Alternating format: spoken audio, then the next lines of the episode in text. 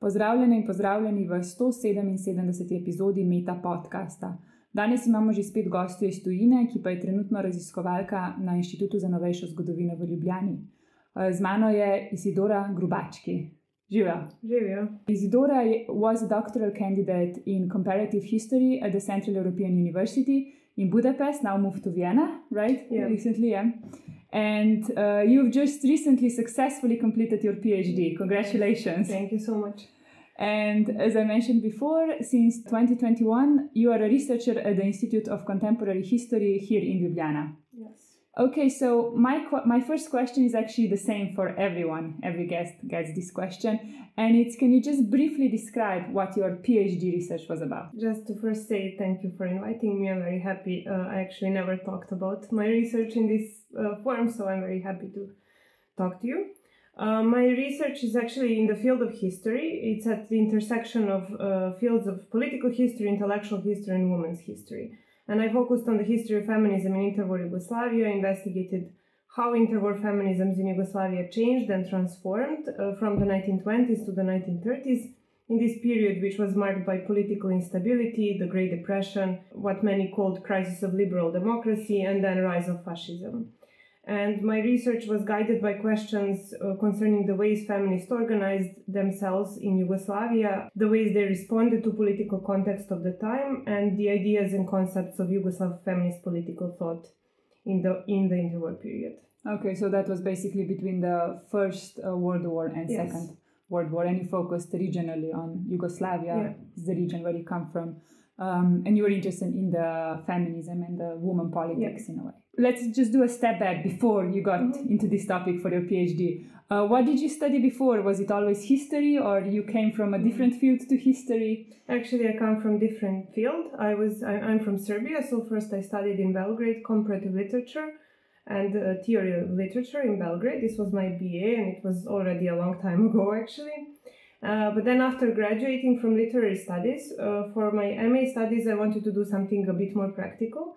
So first I enrolled into MA program of cultural policy and management uh, at University of Arts in Belgrade where I learned a lot about organizing different events, but uh, and writing projects and thinking in this like more project-oriented way, which actually uh, in the end was very useful for academia where I ended up in. And then I worked a bit in some NGOs in Belgrade, but then I realized I still wanted to study, so I went to Budapest to contempor- uh, to comparative history program where I actually got in got a stipend uh, in Budapest and I started to research uh, images of rural women in interwar periodicals after I saw one very interesting exhibition in Belgrade by a colleague who was working on all different uh, women's and feminist periodicals in Serbia. So I was I was interested uh, to know more about it.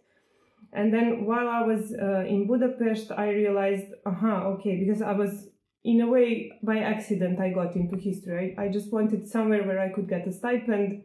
I got it there, and I was like, oh, but I don't know how I, I will manage there because I'm not a historian and I don't know what sources are and what archives are, etc. But then after one year, I realized that this is something that I actually want to do, and then I applied for PhD program there and got in, and it's a, a, a journey that lasted from 2017 until, as you said, last month. So you came from uh, literature fields, which is also one of the humanities, Yeah. into history, which is also part of humanities. Did a little bit of more applicable work with NGOs and also with your MA.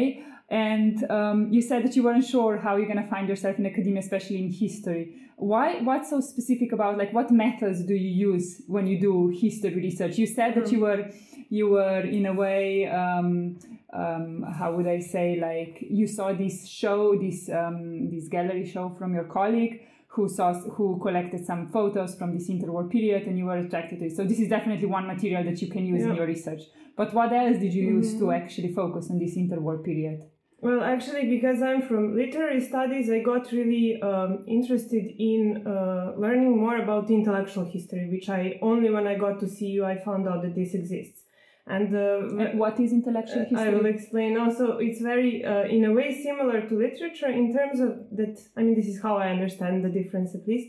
That you focus on language and how language is used and how historical actors use certain concepts, how this changes.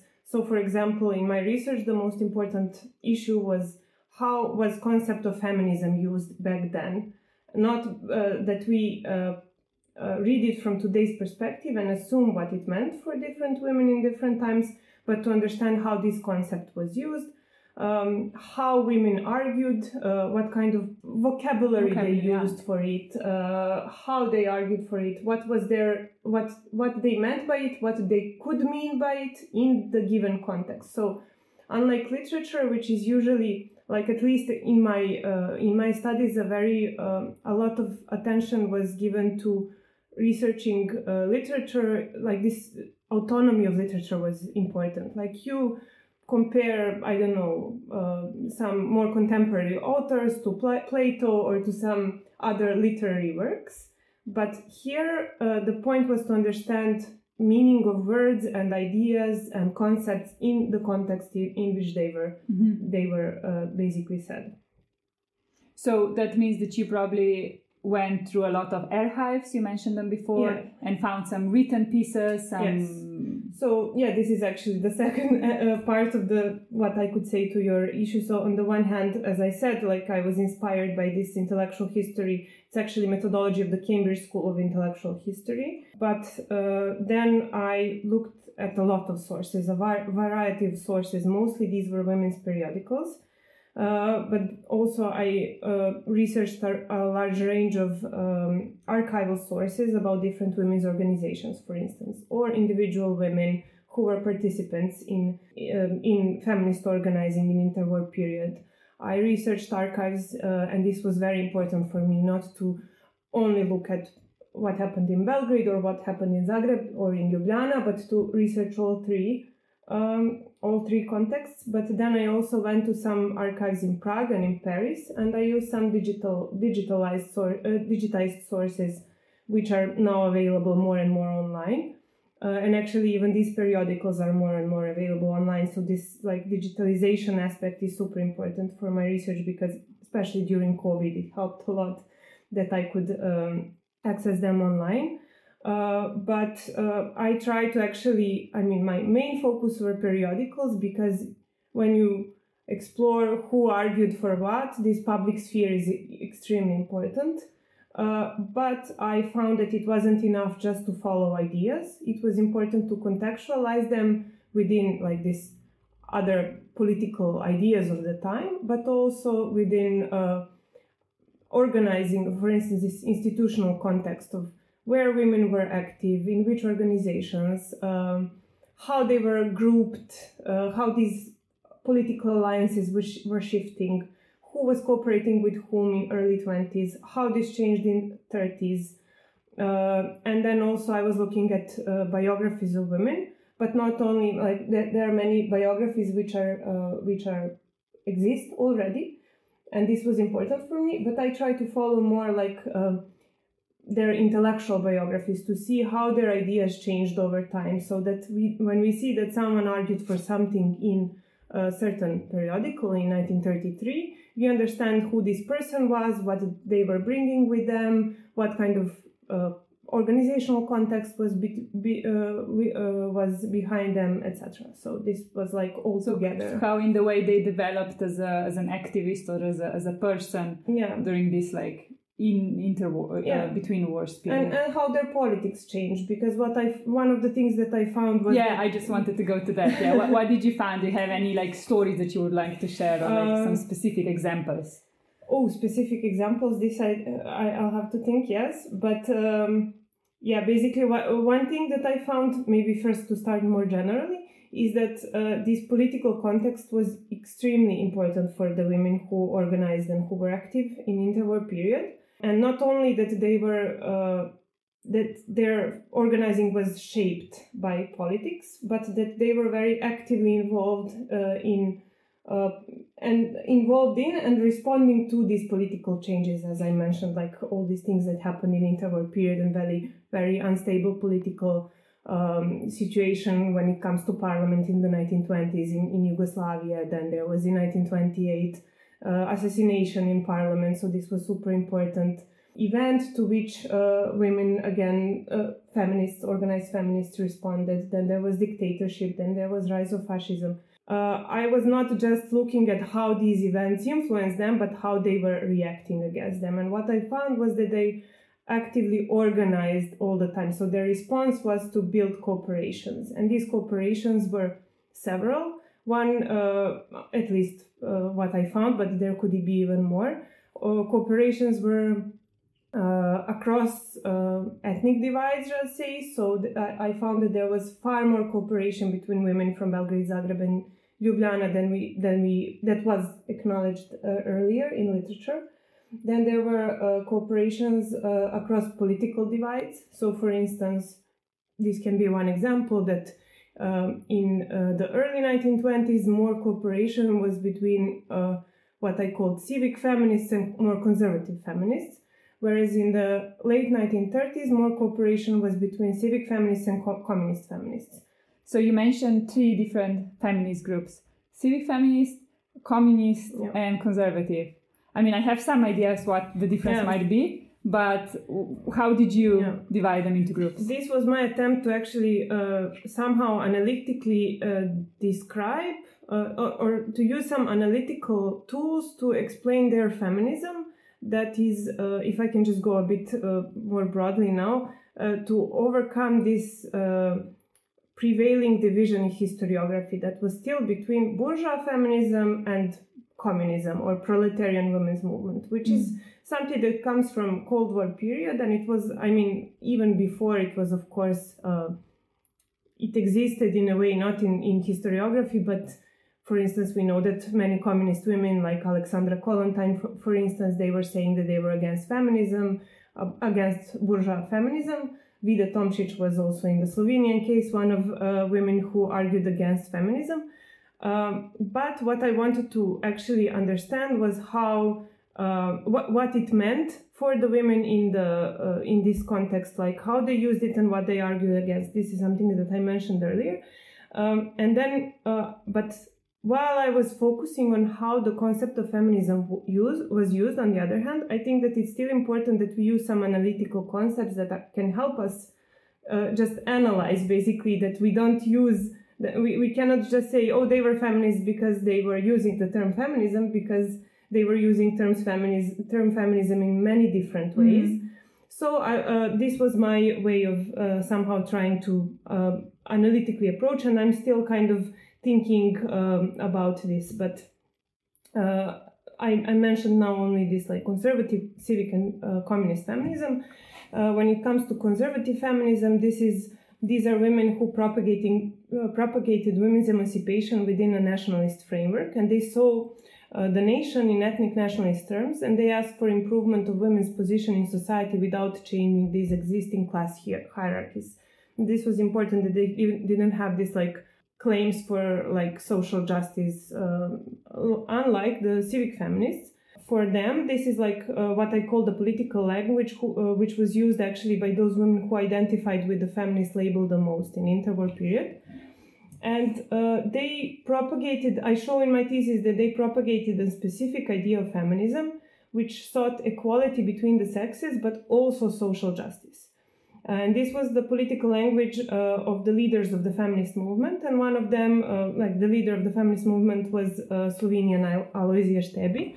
But there were some other women from Belgrade and Zagreb also who was who were arguing for feminism in this way. So then, when it comes to communist feminism, which is the third political language that I now mentioned, this is um, political language of women who argued for women's equality uh, also wanted social justice as the other ones, but they wanted it in uh, in the framework of revolution and not reform. So this is maybe the most important uh, difference between civic feminists and communist feminists. And actually, uh, the let's say the core of my thesis is this relationship between civic and communist feminists, mm. because what I found is that there is a lot of continuity between civic and communist feminism then this is another division that I make between two feminist generations. Uh, one is uh, liberal feminist generation. Uh, these were women who were active in the 1920s mostly, also in 1930s, but they were domin- like they were propagating the dominant kind of feminism in the 1920s. And these were women who were uh, their political formation in a way was before the First World War. they when when the new state of uh, Kingdom of Serbs, Croats, and Slovenes, and then later Yugoslavia was formed, they uh, their kind of their feminism was very much connected with the state. So they criticized the state from the feminist perspective, but they also guarded the state in many ways. Like so, this was their main framework of reference, and um, this was the same for conservative feminists of this organiz- uh, of this generation and civic feminists of this generation. But somehow, what I showed was that in the 1920s, civic feminists who were um, less thinking in these like ethnic nationalist and hierarchical terms, they would um, take over the feminist organization, and their uh, their kind of feminism would become do- the most dominant. Um, and then in the 1930s, they would continue to be active, but then in the 1930s, a new generation of women becomes active. Uh, this is the generation of, for instance, Vida Tomšič or uh, Mitra Mitrović in Belgrade. There were a lot of students who organized in this in this period in Belgrade, Zagreb, and Ljubljana.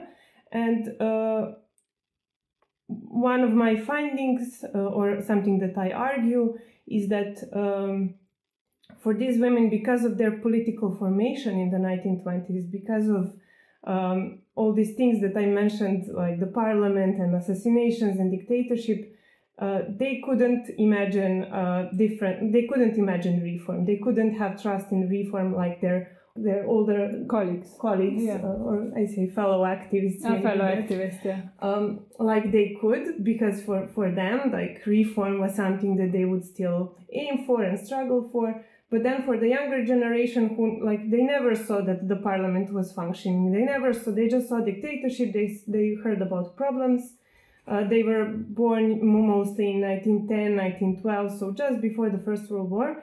And I was trying to understand how and what, why they were kind of opting for revolution, why they were opting for communism. Mm. And uh, my argument is this because of like uh, their political experience, they, their horizon of expectations was, was much different mm. than for the women uh, of the older, what I call liberal generation. But then when it comes to feminism, like the continuities are very obvious. Uh, we see that their agenda is the same uh, that they want the same things, that they are all uh, interested in women's equality in society. They want uh, political rights for women, but also social rights. They want e- legal equality. Uh, but uh, the politics around these demands differs mm. because of the different uh, different political moment. Mm. And what was the like? How big were these movements? Like, if you how many women actually participated? Like, did, did the number grow over time or? I don't have exact numbers. Yeah. Uh, also because there is no the main archival fund of the main organization that I focus on, which is Alijansa Ženskih Pokreta or Alijansa Ženskih Pokretov, um, was lost sometime in 1989. I don't know, this is the last time I saw that it was uh, referenced somewhere and then it disappeared. So I was missing this like uh, some basic information. But uh, what I could see and uh, from the sources and what also other researchers who have, uh, I mean, I'm not the only one who researched these uh, Ženski Pokret organizations in, in Yugoslavia, uh, we know that in the early 1920s the movement was growing and it began actually to be formed uh, in early 1920s. And then what I showed is that um, during the 1920s, it really was uh, growing slowly, but it was. And there was a lot of um, coordination and cooperation between women from Zagreb, Ljubljana, and Belgrade. And be- they, they were so well coordinated that they would then travel to smaller places, they would inspire women from smaller towns. And these uh, Ženski Pokret organizations began to grow and they were growing up until 1929. But then dictatorship uh, happened, and during the dictatorship, not only were political parties banned, but any kind of like political organizing or political activism was also banned. So during the 1920s, for for these uh, women, I mean, suffrage was something that was bringing them together. But as I said, this was not only their only demand; they were also uh, many of them are, advocating for uh, social reform, like very important social reform and reform of the state, and they wanted like more they, they were leftist, even though not left as, as communists. So, as I said, suffrage was uh, uh, something that was bringing them together, even though that was not their only uh, aspect of their activism. But in 1929, they had to uh, make a choice whether they want to continue to be active or they want to um, and uh, continue to be active and remove suffrage demand from their program because of dictatorship, or uh, they wanted to continue to want suffrage, but then they had to basically stop existing. So they opted for this, like strategically, they opted to remove suffrage demand. And then in this period between 1920 and suffrage demands were uh, what? Uh, that's demand for women to gain uh, right to vote Yeah. because women in Yugoslavia uh, didn't have right to vote. When uh, did they get it? after the Second World War only. Uh, so basically, uh, yeah, so this was only one thing that women didn't have uh, political rights, but they were also like there was a lot of inequality in many different aspects. Uh, so basically, between 1929 and 1935, uh, while the or 1934 rather, uh, during the dictatorship, uh, the organization is kind of struggling, but it's still there.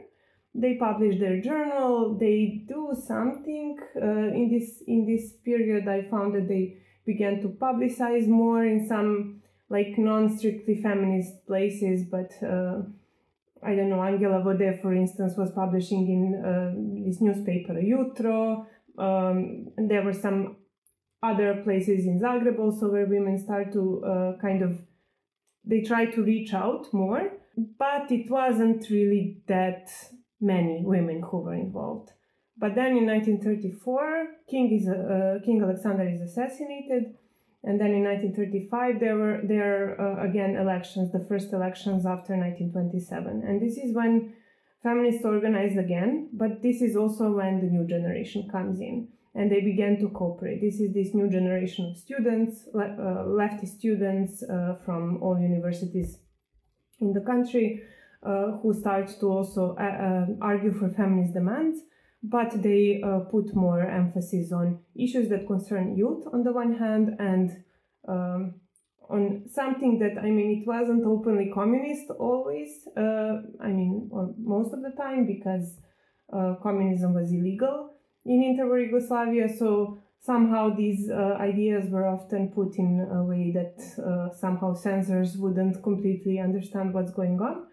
Um, but uh, so, and this is also why we cannot exactly know who was communist, who was not, and um, but what we can say that is that in um, all Yugoslav university centers there were very uh, big move. There were movements, or, or, there was a movement of uh, leftist students, pro-communist students, um, and among them women who were, uh, as I find in my thesis, uh, feminist in terms of what kind of um, how they organize, what kind of uh, uh, demands they had, etc. Basically, not only they start this younger generation that they start to be active um, in demonstrations, but they actually enter uh, Pokret organizations across the country, uh, mostly in Belgrade, Zagreb, um, mostly in places, different towns in Serbia. In in Ljubljana, their organizing was a bit different because here Ženski Pokret was not that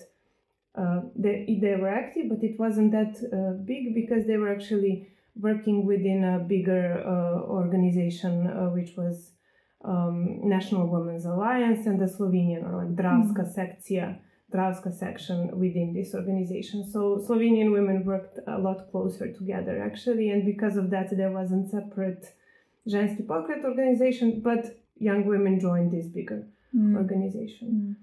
Uh, so in this period, it actually grows, and we see the Ženski Pokret organizations are more and more active as the um, basically war approaches. Um, 1937, 38, 39, and then uh, in 1940, um, the Alliance of Women's Movement st- uh, stops existing. The point is that there was a lot of political pressure, of course, because uh, the police knew that the, these that communists were active in this way, and uh, uh, there was a lot, a lot of pressure, and in some cases, police would shut down Ženski organizations. In some cases, um, some of the older feminists would be against younger feminists and would say, okay, but we, we don't want this kind of political activism here. Mm-hmm. In some other cases, older families would want to support them. So it's uh, very important not to generalize, to say who was against, like just to say, ah, yeah, these were bourgeois feminists and they hated these younger ones, but to actually try to understand from context to context how it was. But generally, what was important for me to, apart from showing how this like movement grew and what happened, what was important for me was to um, to argue that this uh, participation of communist women in feminist organizations was not only because the Communist Party told them so, because this was the narrative before. The, uh, the Communist Party is the subject, it's not the women, but the Communist Party told women to enter these feminist organizations because they wanted them to be um, to legalize their, their activism. But if we actually look at who these women were, how they began to organize, we see that this already started before the Communist Party remembered to tell them what to do and that they were already active students. And I mean, of course, Communist Party was important there, but again, how come so many women were there to, to, to participate and to argue for women's rights within this framework? And there were not so many women earlier. Mm. For me, this is because of this generational shift that I talked about, and also response to economic crisis of the time, to dictatorship. Uh, so for me, it was very important to not look at the party. I mean, yes, it's there, it's important, but to try to understand what are the other reasons for this kind of activism to develop, and to also understand how this cooperation between civic and communist unrolled because it was not just because these wanted to legalize and these wanted to use them because they were young, but it was much, much more than that. Mm-hmm. And um, so you basically really detailed with contextualization of this period of time what it meant for women to be active uh, activists at that time. Um, that that's the main thing of your thesis. And do you have any open questions? Are you still working on this topic? Are you still researching in this field, or I I am, and I intend to continue now to actually write the book. So I'm always told that uh, PhD is completely different than the book, but no one tells you actually how. So I'm trying now to understand what exactly I'm supposed to do and how I'm supposed to go forward. Uh, but I opened actually a lot of questions um, in the in, in, in research. Maybe just to uh, mention some. I think uh, for instance, there is much more to be told about Yugoslav women's participation in interwar uh, international women's organizations, and uh, about through that, through I mean, my idea is to focus on Yugoslav case of participation, but then through that to say something more about the politics of these international organizations, because they're usually approached through just like Western lens. Basically, you know, there is uh, Britain, US, maybe a bit of France and Germany. Mm. But actually, if you look at, and, and, then they, there are some ideas of like, oh, there was more internationalization, but how this trans- uh, internationalization happened, uh, who the women who joined from different contexts were, this is something that's not explored enough. So maybe for for my book, I will try to explain a bit more to to forward a bit this uh, research on the relationship between national and transnational levels, and in this way to maybe inspire a bit more research um, about the interconnectedness between the two levels and not just one or just the other.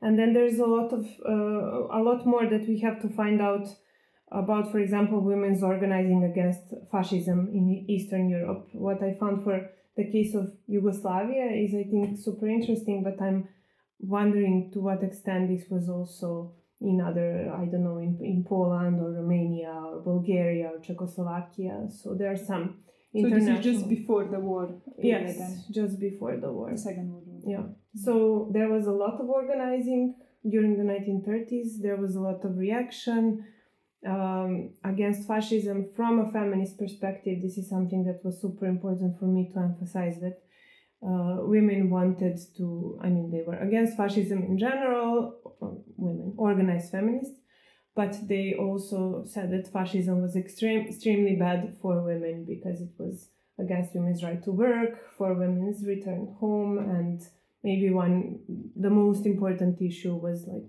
for feminists all of all ideological orientations was women's ec- economic independence and this is something that fascists attacked and this is something that was attacked everywhere in the early 1930s because of the economic crisis. Basically women, women were sacked from their jobs mm-hmm. because there's no not enough jobs so why would women work? And there was a lot of backlash against women working then. And, and feminists were responding to this.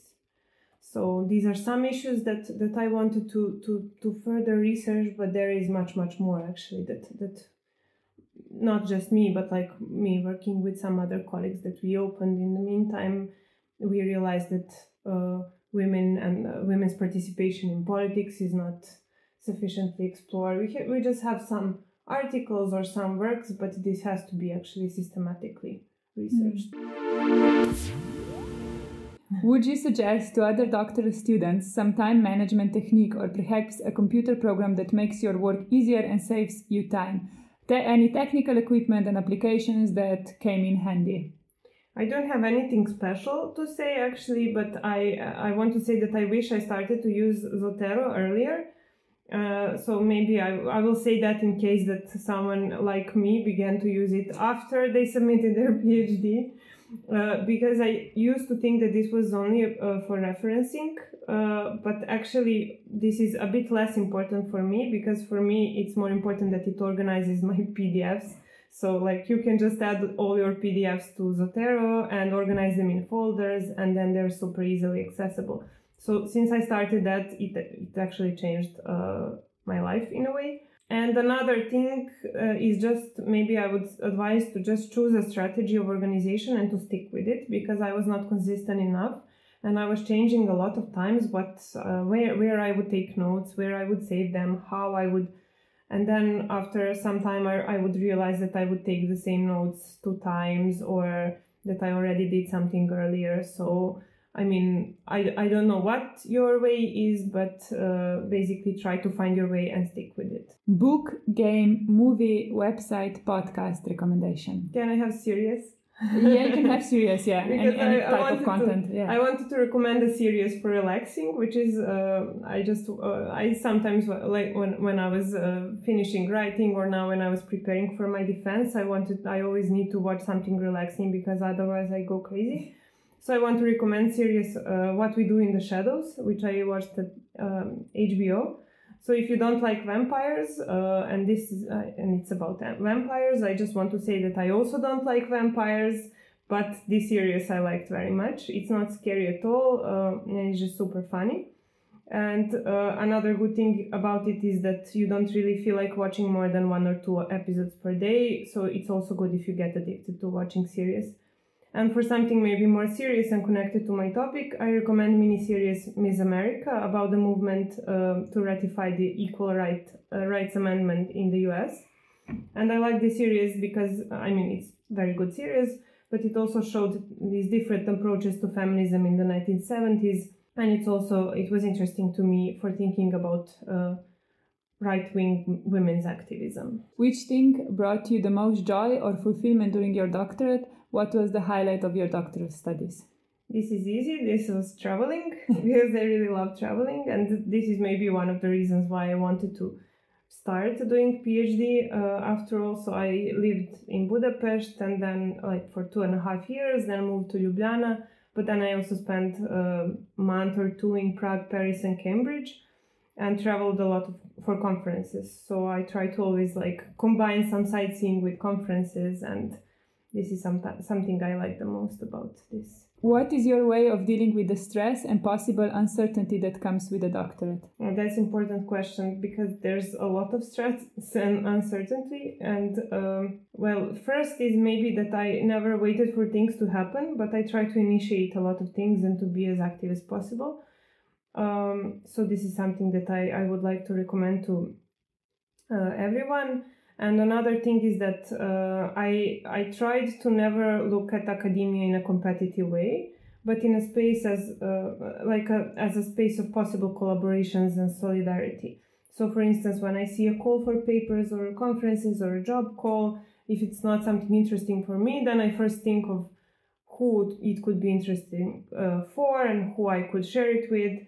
And then I systematically do that. And I also often offer to give feedback to people when they write something because I think this is something super uh, difficult when, when you're just writing and you don't have who to talk to.